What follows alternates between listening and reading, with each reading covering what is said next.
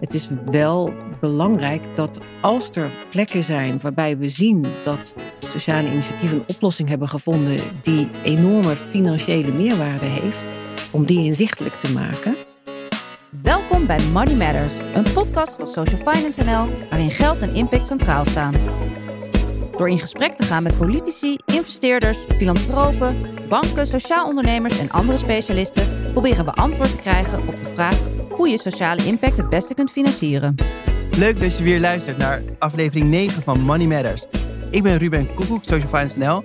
En vandaag als co-host... Celine Pessers. En ik werk bij de Sustainable Finance Desk van ABN AMRO. Uh, en dat is tevens een van de founding fathers van Social Finance NL. Leuk dat je er weer bent. Dankjewel Ruben, hartstikke leuk om hier te zijn. En de, de, de vaste luisteraar herkent jou van aflevering 7 met de Goldsmeding Foundation, Aard de Geus. Zeker. En we gaan het vandaag weer over eh, filantropie hebben, weer over een vermogensfonds slash goed uh, doel. Zou jij onze gast willen aankondigen? Heel graag, dat is mij een genoegen. Vandaag bij ons te gast iemand die inmiddels ruime ervaring heeft als consultant, directeur en bestuurder.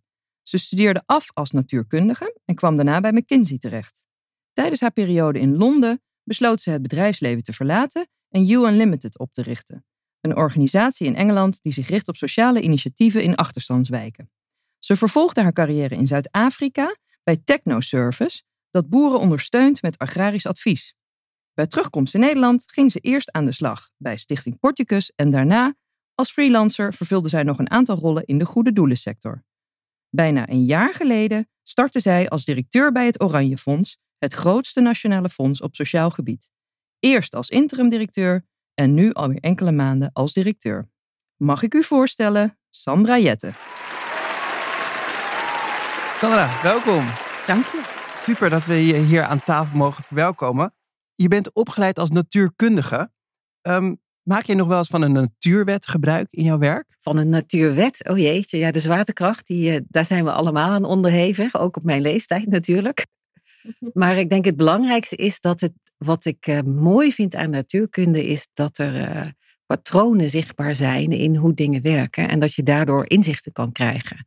En dat stukje van natuurkunde probeer ik nog steeds toe te passen in mijn werk het nadenken, reflecteren en dan uh, de juiste volgende stappen zetten. Kijk, en dan komen we vast nog wel op terug bij de stellingen uh, straks. Um, dus we gaan straks drie stellingen over het Oranje Fonds uh, bespreken en ook hoe een goed doel het meeste impact kan maken met de euro's die zij tot haar beschikking heeft. Maar voordat we dat gaan doen, beginnen we altijd met onze vaste rubriek De Uitglijder.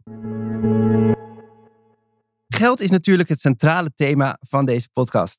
We hebben allemaal financieel eindverantwoordelijke aan tafel, maar ook die maken wel eens een uitglijer.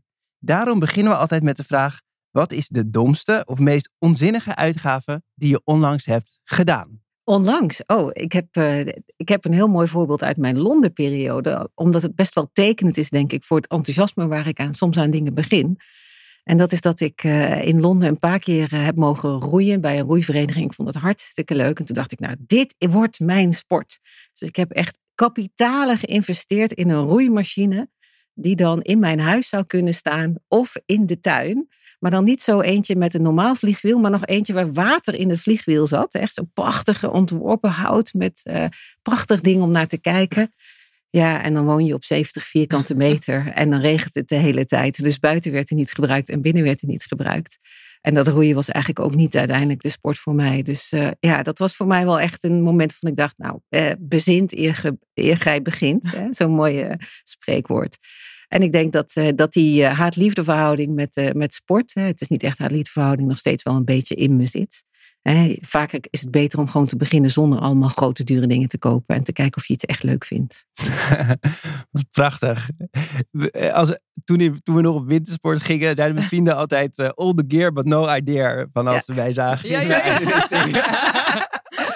Precies. Oh ja, oh, ik heb nog wat skis in de kast staan oh, en zo. Goh, laten we daar maar niet meer over hebben, inderdaad.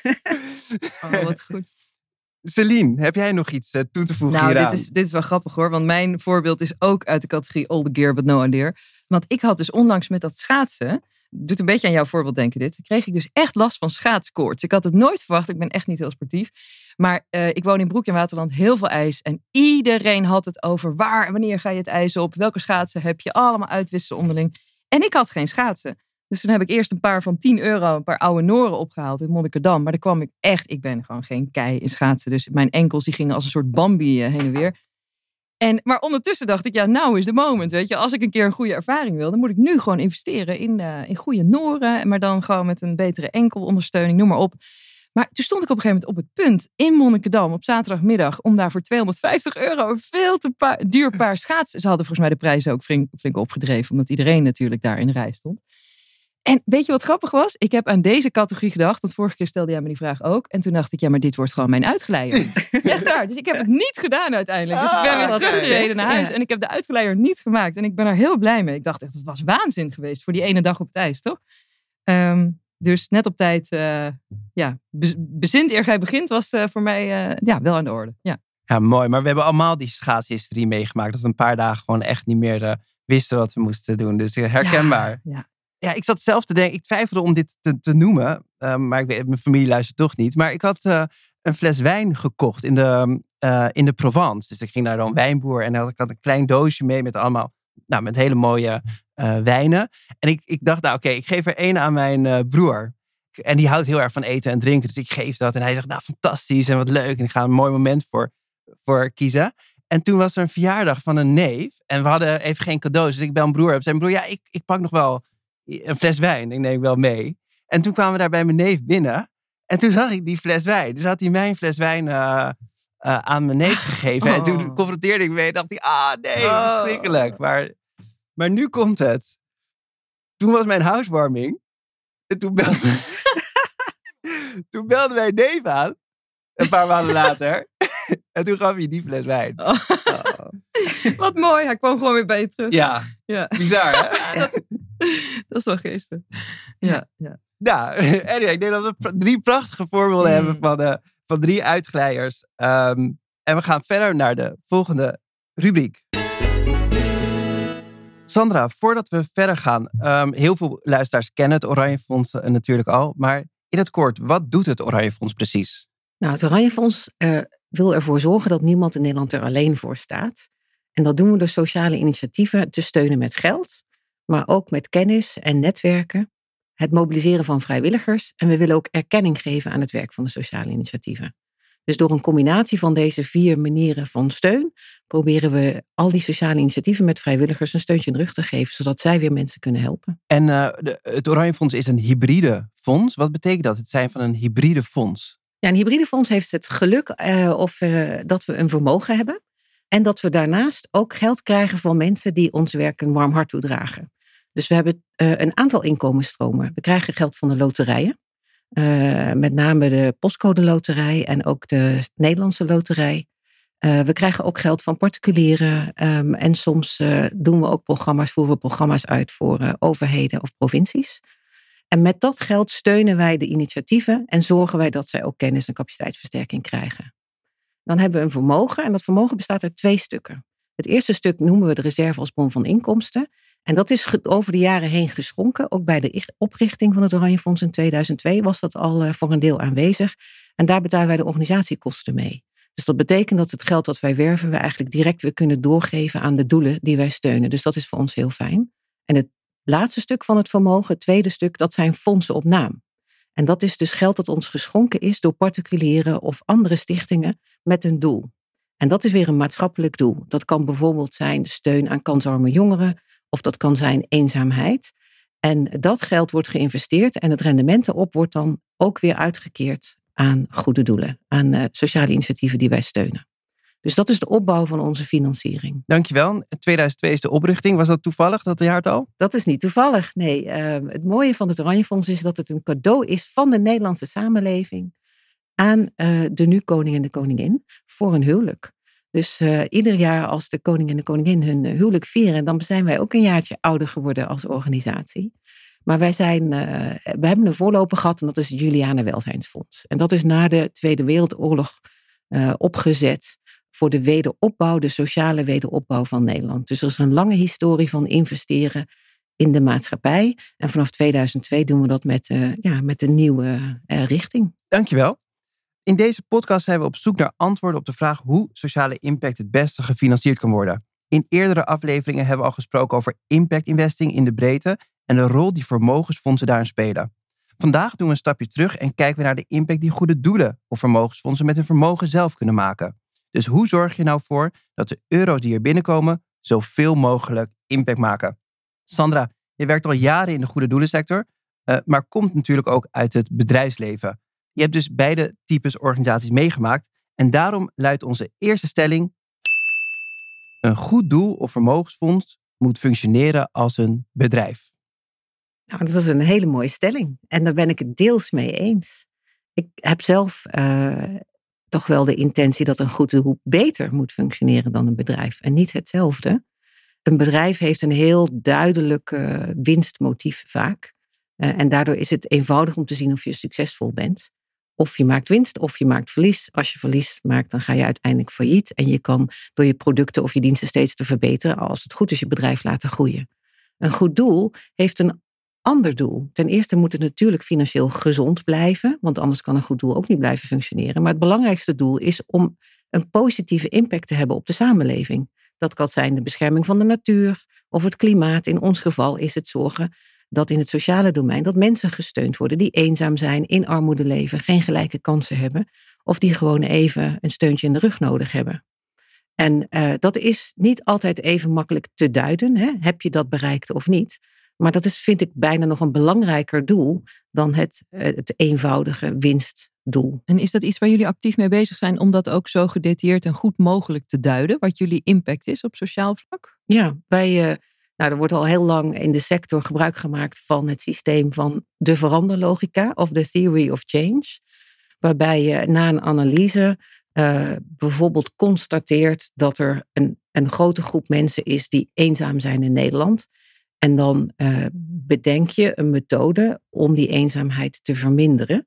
Uh, dan ga je dat financieren. Hè. Vaak bedenken wij niet zelf de methode, maar wij selecteren initiatieven die daarmee bezig zijn. En dan volg je of je inderdaad het effect ziet op die vermindering van die eenzaamheid. En als dat lukt, dan blijf je dat doen. En als blijkt dat die methode misschien toch iets minder effectief is, dan zoek je weer naar een andere methode. Uh, het is alleen wel zo dat uh, heel veel van de problematieken waar wij proberen een bijdrage aan te leveren om die weg te nemen, die zijn heel complex. Ja, er zit een heel systeem omheen van ook de overheid heeft zorg en biedt zorg aan. Mensen zijn onderdeel van een gezin of van een buurt of een wijk. En wat is dan precies jouw interventie uh, die jij financiert en hoe draagt die bij ten opzichte van de anderen? Dus het is um, um, niet altijd even eenvoudig om te kijken wat jouw specifieke bijdrage is geweest aan het oplossen van het probleem, omdat er andere actoren bezig zijn. Maar het is wel de intentie om dat te volgen, ja.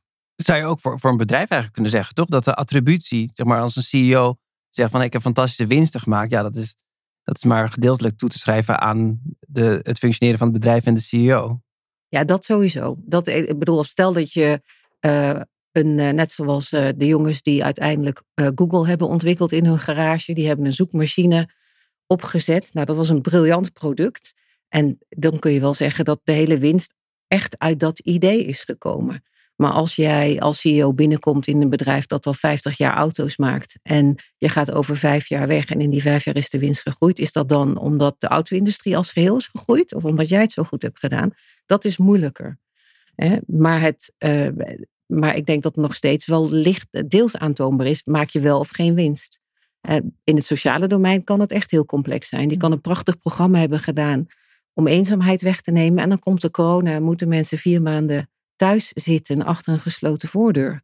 En dat heeft zo'n effect op de eenzaamheid van individuen bijvoorbeeld, dat dan misschien jouw project uiteindelijk geen uh, positieve bijdrage heeft geleverd ten opzichte van de nulmeting. Maar misschien wel ten opzichte van wat er had kunnen gebeuren als je niks had gedaan. En daarom blijft impact meten in onze sector ingewikkeld en moet je dat heel zorgvuldig doen. En moet je dat ook, want je beschrijft net eenzaamheid en daar, daar kan je onderzoek naar doen en kijken of er verschillen gemaakt en, en of dat ook ter herleiden is naar de, de interventie de inzet van, van het Oranje Fonds. Uh, maar kan je dat ook op geaggregeerd niveau doen? Dus kan je ook als Oranje Fonds als geheel zeggen van nou, zoveel impact hebben we in een jaar gemaakt? Of is dat veel moeilijker?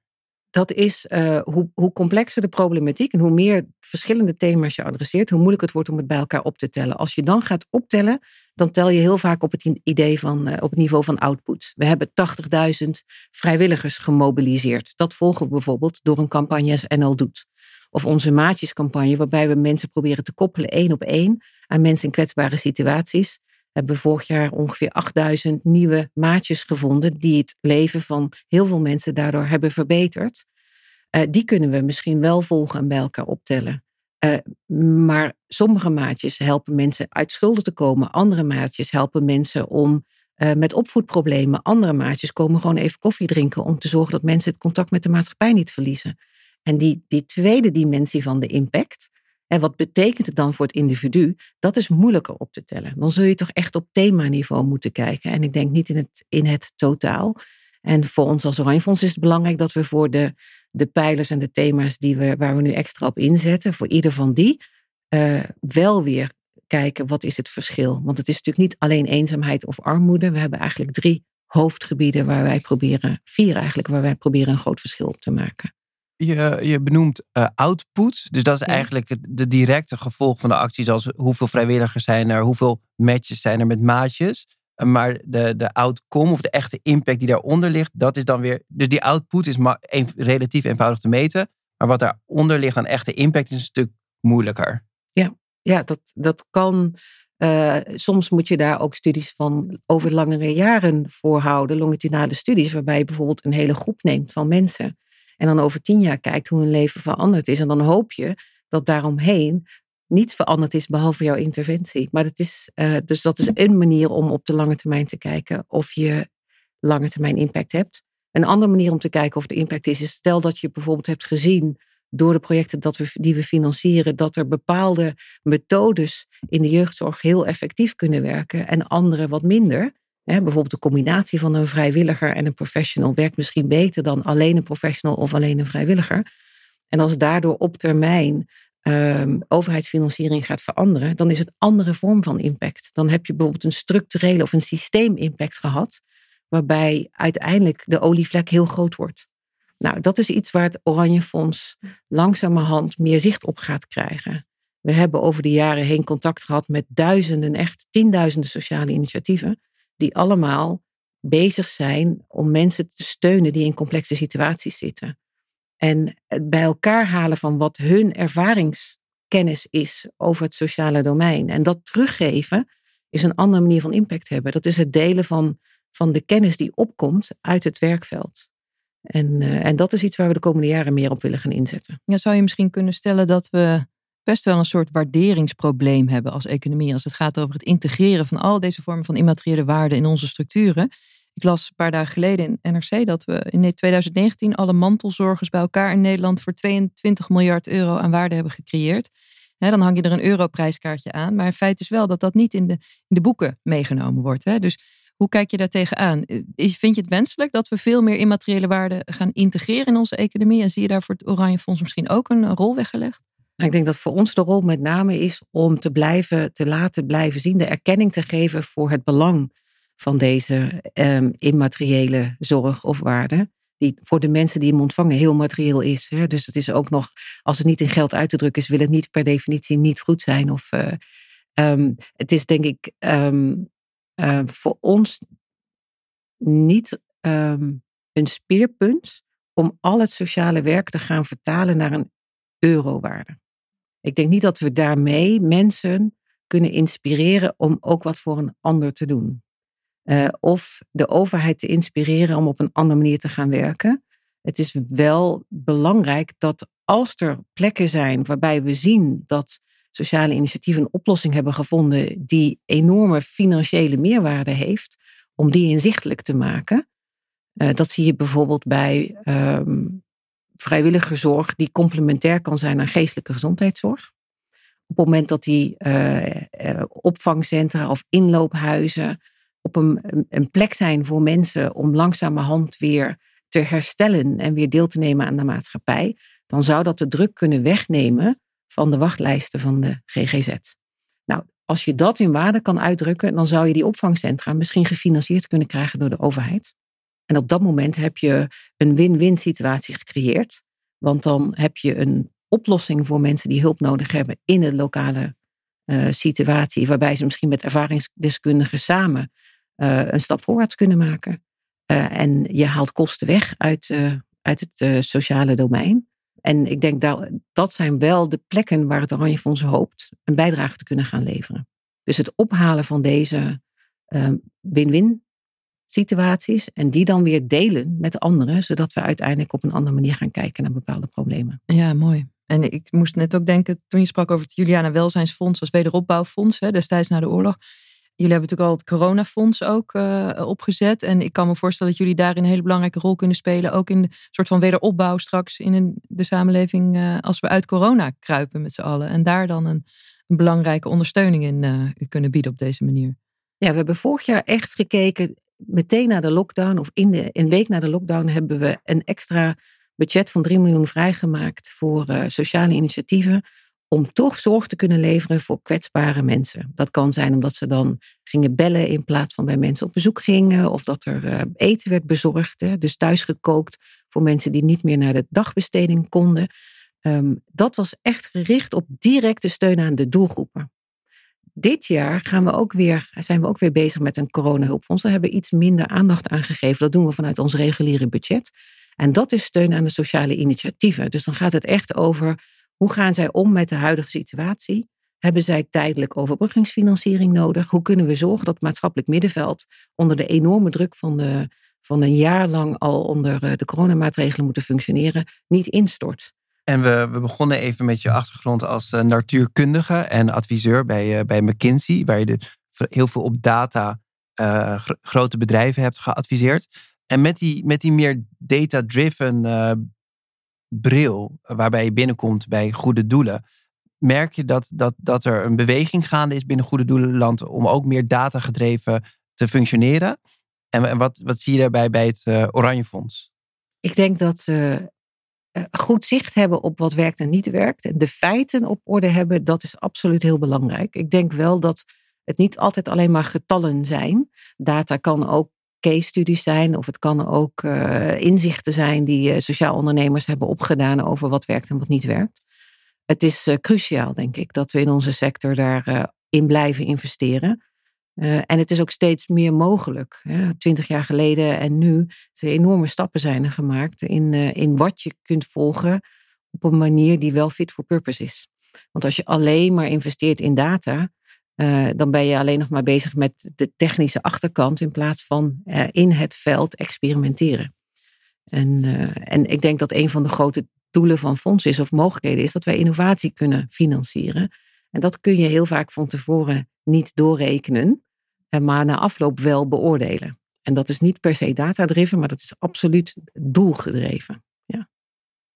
Dus tellen is niet de enige manier om nee. informatie te verzamelen. Ik vind dat zelf ook echt wel een dilemma hoor, dit hele onderwerp. En ik vind net als met een boom bijvoorbeeld. Hè. Een boom heeft pas waarde op het moment dat die wordt omgehakt. Want dan kun je er een data, dan kun je er een houtprijs aan verbinden. Terwijl die boom levend eigenlijk veel meer doet voor ons als planeet, als mens.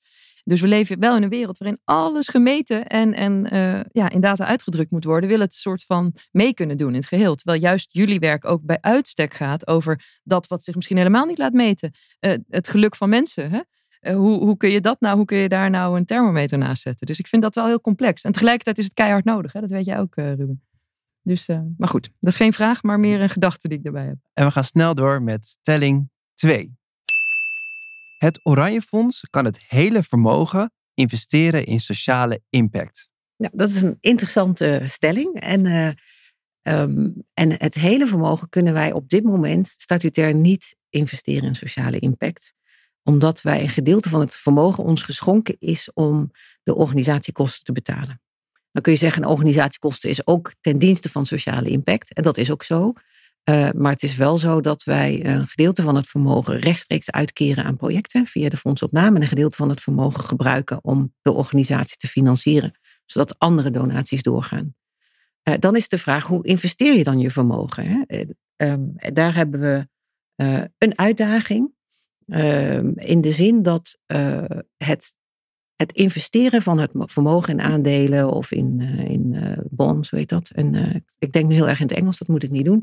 Dus het investeren van het vermogen, er zijn producten waarbij je in ieder geval duurzaam kan investeren. Je kan zelfs positieve maatschappelijke impact behalen door bijvoorbeeld in groene energie te investeren. Dat doen wij. We kunnen rechtstreeks investeren in organisaties die bijvoorbeeld aan stadsherstel doen of sociale ondernemingen als huurders hebben. Dat doen wij ook, deels als organisatie. Maar het is heel moeilijk om 100% van het vermogen te investeren in aandelen die uh, naast een financiële return ook nog een sociale impact hebben. Want er zijn maar heel weinig sociale ondernemingen die voldoende winstgevend zijn. Dat heeft te maken met het domein. Dus in impact investing heb je absoluut organisaties die zowel een, een maatschappelijk doel hebben als een financieel doel. Maar dat maatschappelijke doel is heel vaak gericht op duurzaamheid of op het milieu. Maar heel weinig op het sociale domein, armoede of eenzaamheid. Omdat daar de doelgroepen vaak niet kunnen betalen voor het product. Dus het product altijd gefinancierd wordt door de overheid of door een ander. Uh, dus dat is een eerste antwoord op je vraag. Kunnen wij het hele vermogen investeren in, het, in sociale doelen? Nee, maar we kunnen het wel zorgvuldig investeren. De eerste stap is do no harm. Dus investeer in ieder geval niet in dingen die een negatieve maatschappelijke impact hebben. De tweede stap is hoeveel kunnen wij investeren met een positieve impact. Dan is dan vaak milieu of. En dan is de derde stap, hebben we ook nog ruimte om uh, sociale ondernemingen te financieren? Ja, ik denk dat we wel middelen voor hebben, maar niet per se voldoende investeringsmogelijkheden. En je gaf aan dat eigenlijk groen uh, investeren makkelijker is dan sociaal uh, investeren, omdat de, er meer groene businessmodellen zijn, of groene energie, of bedrijven die groen zijn dan, uh, dan bijvoorbeeld bedrijven die actief heel groot zijn en, en armoede bestrijden. Denk je dat dat ook kan veranderen? Uh, want twintig jaar geleden was het misschien ook heel, heel lastig om groen te investeren. Zou, zou er ook meer kansen zijn om, om vermogen sociaal te investeren over 20, 30 jaar? Of? Ik kan me absoluut voorstellen dat er, uh, dat er organisaties komen die die een methode ontwikkelen om kwetsbare doelgroepen te helpen, waardoor uiteindelijk overheidsfinanciering minder noodzakelijk is. En waarbij dus de overheid die organisaties gaat betalen. En of dat dan wel of niet op een winstbasis gebeurt, is dan de volgende vraag. Hè. Je hebt al de social impact bonds, die zijn natuurlijk al een aantal jaren uh, in Nederland ook actief en al wat langer in Engeland, waarbij daarvan wordt uitgegaan waarbij uiteindelijk de inkomstenstroom van de organisatie dan het, een reductie is aan de kostenkant van de overheid. Eh, dat zie ik nog wel, dat daar nog wel wat groei in is. Um, ik denk ook dat, uh, dat voor ons als hybride fonds het een, een iets kleinere, minder zware vraag is. Uh, als alles wat je doet uit het vermogen wordt gefinancierd, dan is dat anders dan wat zoals wij opereren. Wij krijgen heel veel geld van derden. Dat geld geven we aan de goede doelen.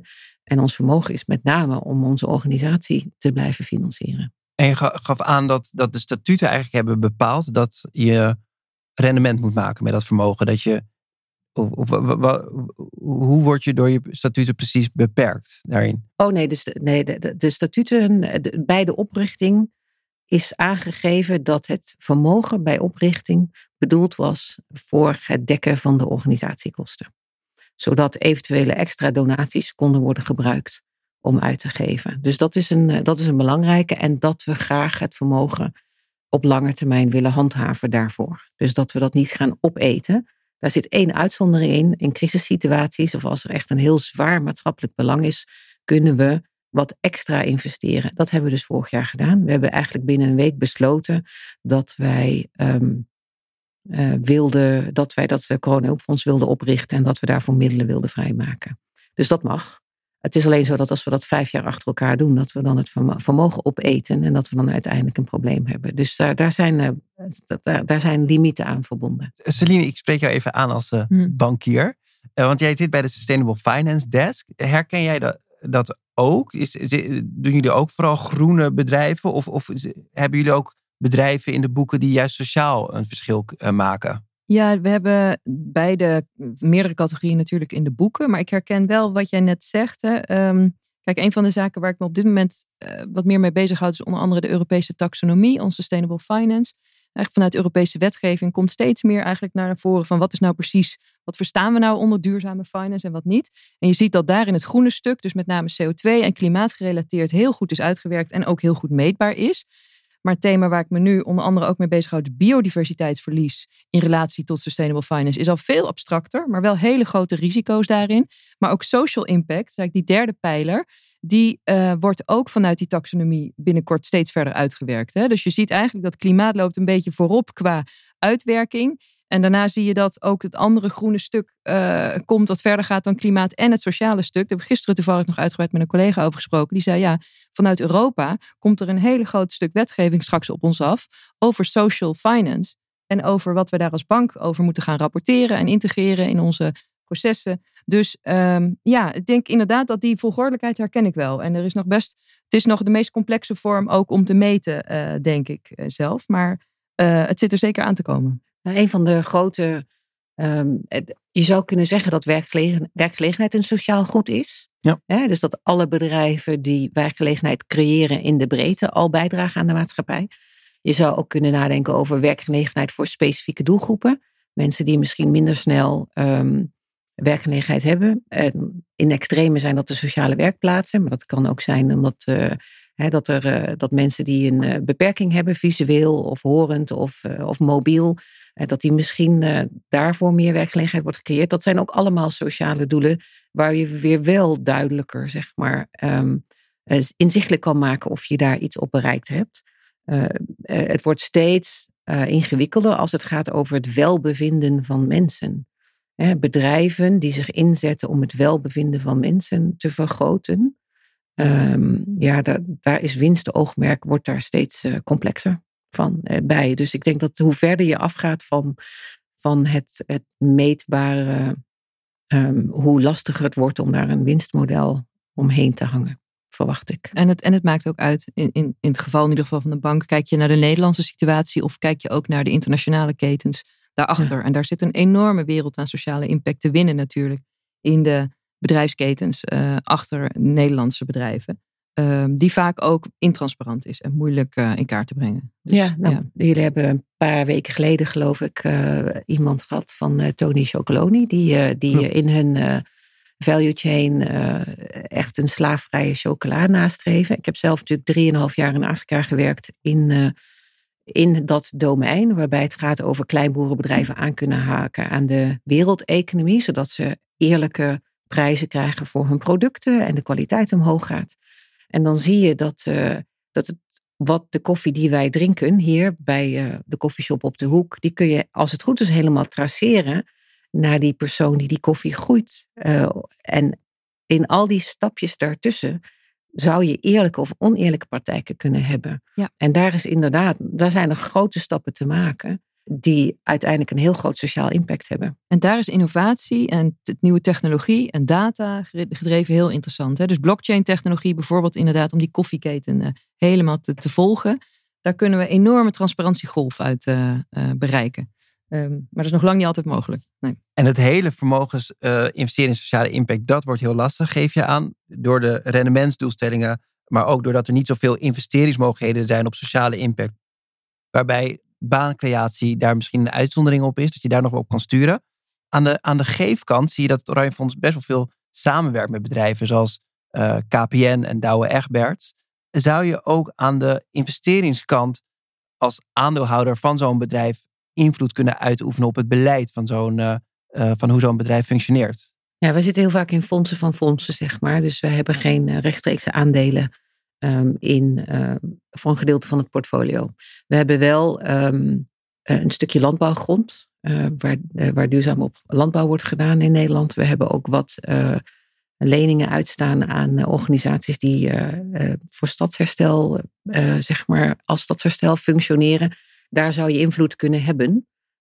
Maar, dat, maar in de grote bedrijven hebben wij geen rechts, de, de, de FTSE 100 of de, de, hoe heet dat in Nederland, de AEX-bedrijven hebben wij geen rechtstreekse aandelenposities. Uh, en het is ook niet aan ons, denk ik, op dit moment om daar heel veel extra energie in te steken, omdat ja, wij geven per jaar zo rond de 30 miljoen aan onze doelstelling uit. Als we dat nou heel goed doen, dan denk ik dat we veel directe sociale impact hebben.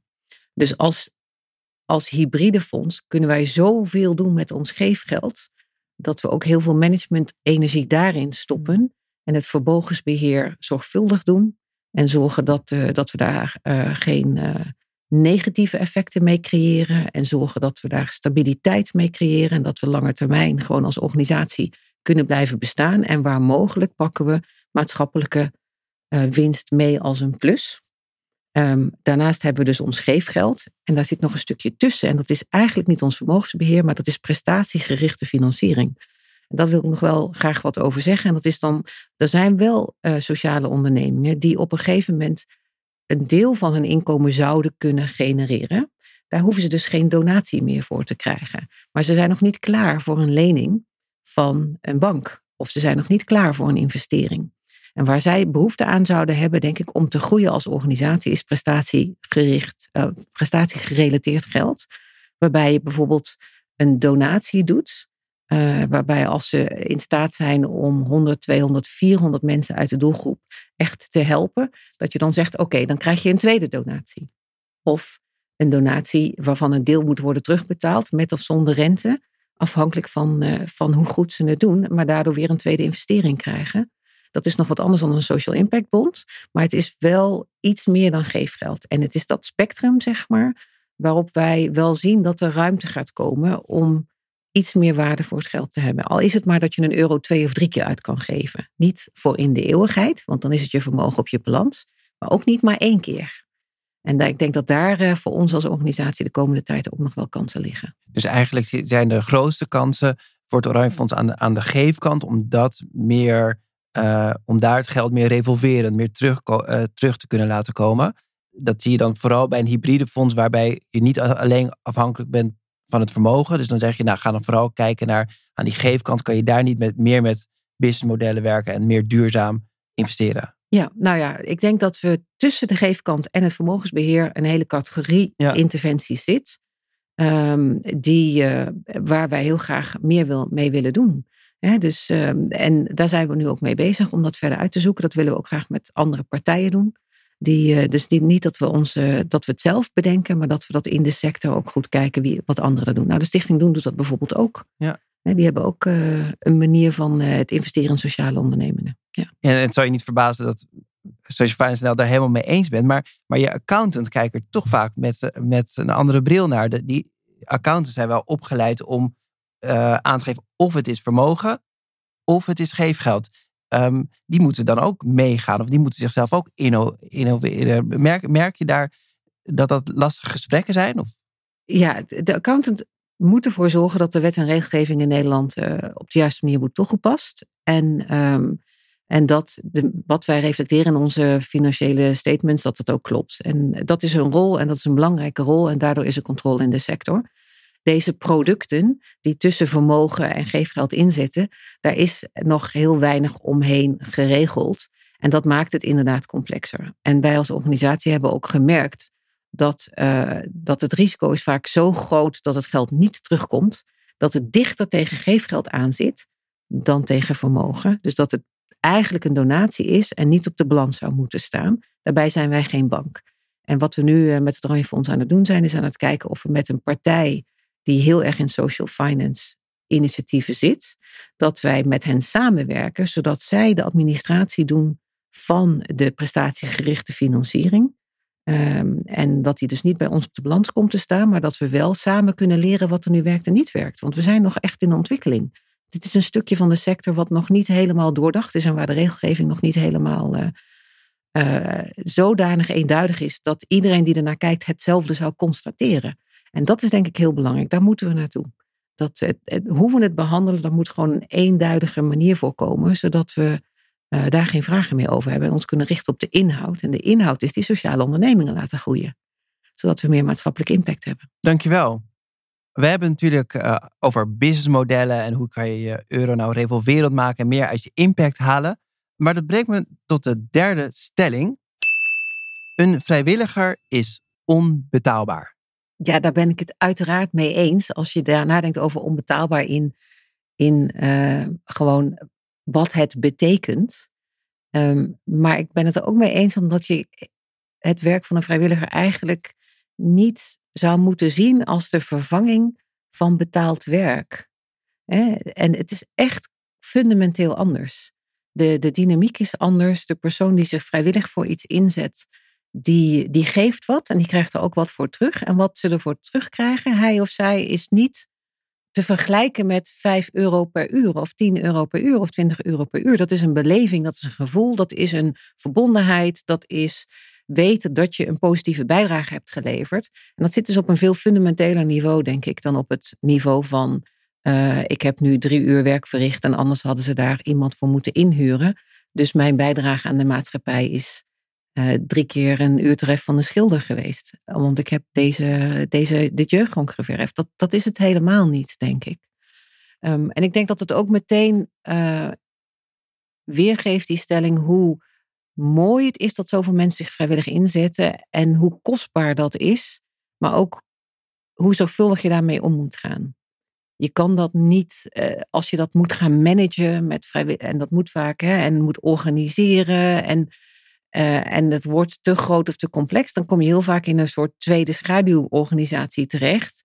En dan wordt het alweer heel ingewikkeld om uh, het gevoel van vrijwillige inzet en de, de waarde die het oplevert voor de persoon die vrijwilliger is, nog te zien, denk ik, als organisatie. De afgelopen jaren is er ook wel wat debat geweest over of jongeren zich nog wel als vrijwilliger willen inzetten. Je hebt ook de maatschappelijke diensttijd ja. um, door dit kabinet geïnitieerd. Hoe kijk jij daar tegenaan? Zie je een verschil van hoe ouderen en jongeren omgaan met vrijwilligerswerk?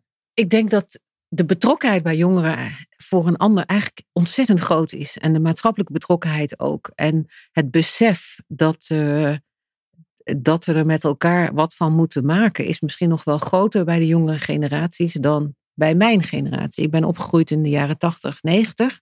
Dat was echt een maakbare samenleving. Alles werd in geld uitgedrukt. Wall Street was king, zeg maar. En uh, als je niet succesvol was, was het allemaal je eigen schuld.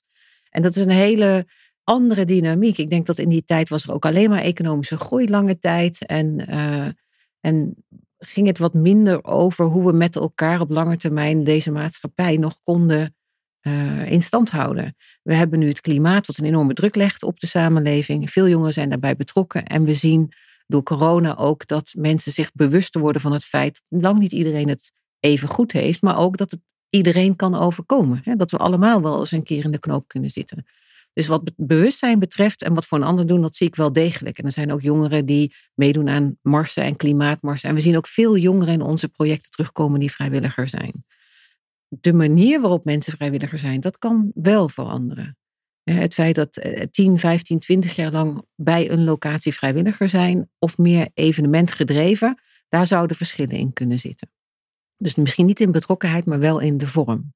En wat betreft maatschappelijke diensttijd, ik denk dat het een, een heel mooi programma is om jongeren de kans te geven om buiten de normale structuur van school en thuis en misschien de sportvereniging eens een kijkje te nemen in wat er nog meer allemaal in de maatschappij gebeurt.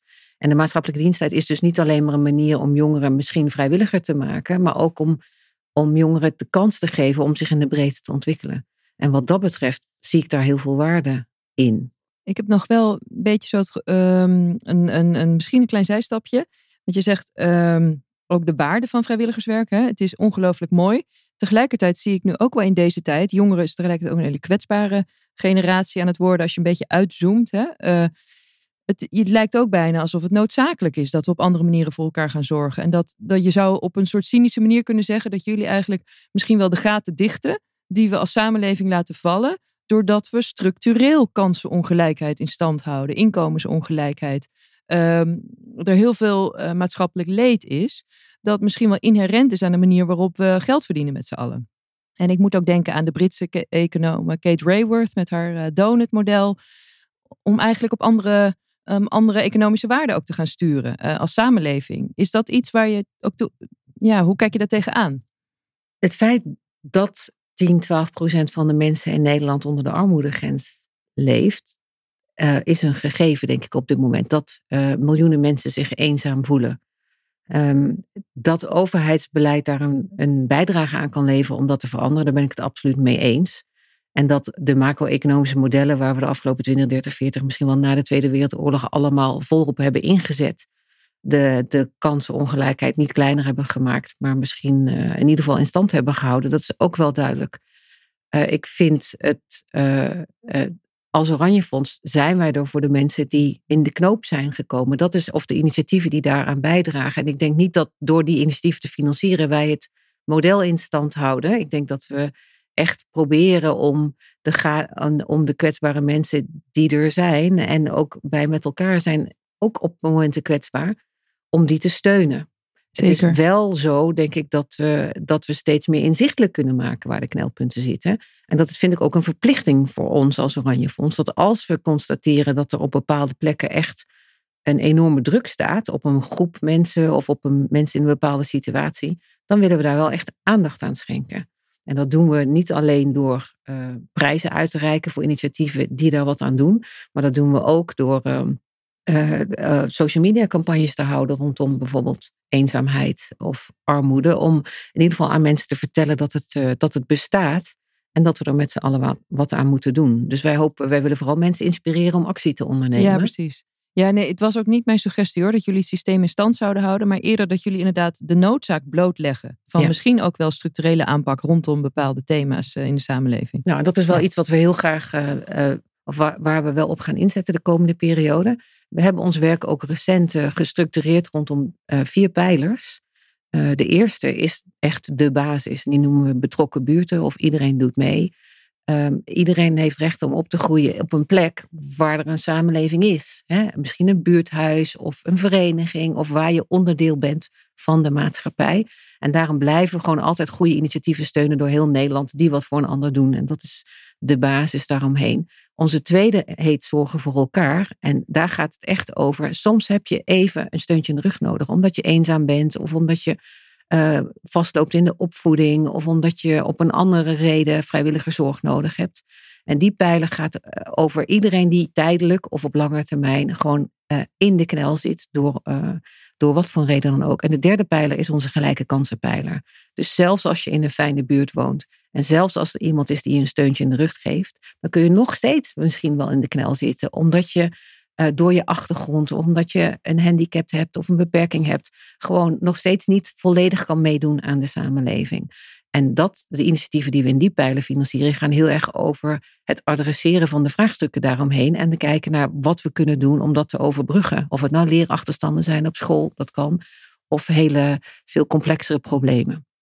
Nou, die drie pijlers, daar clusteren we ons werk in, zodat we binnen die pijlers goed kunnen leren van wat, we, wat de interventies doen en wat werkt en wat niet werkt. En om te zorgen dat we dat kunnen borgen, hebben we een vierde pijler opgezet. Dat is onze kennis, impact en innovatiepoot. En die is dus echt bedoeld om te experimenteren met nieuwe aanpakken, maar ook de informatie, die data die opkomt uit die uh, initiatieven, uh, bij elkaar te brengen en terug te geven aan de sector. Uh, voor iedereen die misschien op een thema actief is. Waarbij wij zeker niet uh, het meeste weten van de problematieken rondom armoede. Het stukje wat wij als Oranje Fonds zicht op hebben is. Wat doen de sociale initiatieven? Wat doet het maatschappelijk middenveld? En wat daarvan lijkt heel effectief te zijn. Ja, ja. Dus de kennis die wij willen teruggeven is niet de kennis over het thema per se, maar welke aanpakken lijken te werken in de praktijk. En die vier pijlers, eh, de komende jaren gaan we daar veel meer op inzetten om, uh, om onze toegevoegde waarde te vergroten. Ja, wat mooi zeg. Je ziet zomaar een hele kaart van Nederland voor je. Met al die prachtige initiatieven die jullie hebben. En dan overal dat je ook nog gedetailleerd ziet waar wat wel en niet werkt. Waar, de, waar misschien ook wel de grootste aandachtsgebieden liggen. Qua data super waardevol, uh, kan ik me voorstellen inderdaad. Ja, en ik denk ook dat uh, een van de dingen die we in het bedrijfsleven eigenlijk altijd automatisch doen. Hè. Dan ga je een keer naar een conferentie en je praat eens een keer met een collega over iets anders. In het sociale domein wordt er zo hard gewerkt binnen zo'n initiatief door zoveel vrijwilligers dat uh, het even met elkaar netwerken en, en uh, ideeën uitwisselen is, uh, daar is weinig ruimte voor.